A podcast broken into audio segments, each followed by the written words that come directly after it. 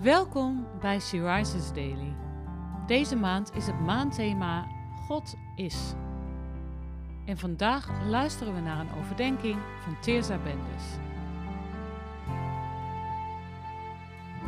We lezen uit de Bijbel Jeremia 32, vers 27. Ik ben de Heer, de God van al wat leeft. Is er ook maar iets dat voor mij onmogelijk is? De Heere God geeft in het Bijbelvers antwoord op het gebed van de profeet Jeremia. De Heer zegt hier dat hij de stad Jeruzalem zal laten vernietigen door de Galdeën, omdat het volk van Israël en Juda zich telkens weer tot de afgoden keren en God afwijzen. Maar ondanks zijn woede en het onheil wat hij voorspelt, belooft de Heer ook dat hij zijn volk weer bijeen zal brengen. Hij zal hun God zijn en zij zullen zijn volk zijn. Hij zal een nieuw verbond met hen sluiten, zich over hen verblijden en hun goed doen. Lees het maar na in vers 40 en 41 van Jeremia 32. Ook wij zijn het volk van God, door de genade van het nieuwe verbond van het bloed van de Heer Jezus. Wanneer we ons van de Heer afwenden, doen wij Hem niet zozeer pijn. Maar Hij is bij macht om onze harten weer naar Hem toe te keren. Niets is onmogelijk voor Hem.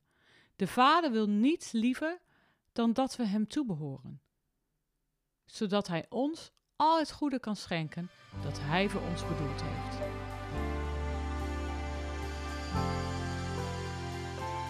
Voor God is niets onmogelijk.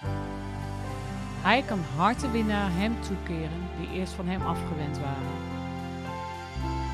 Heb jij mensen in je omgeving waarbij dit je gebed is voor hen?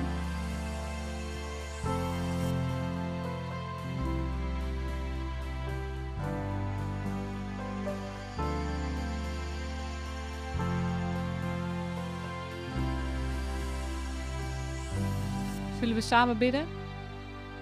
Vader, dank u wel dat voor u niets onmogelijk is. U verandert harten en maakt van uw vijanden uw kinderen.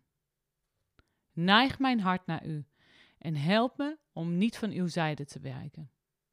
Schenk mij uw geest, zodat ik niet verleid zal worden door alles wat me bij u vandaan dreigt te halen. Amen.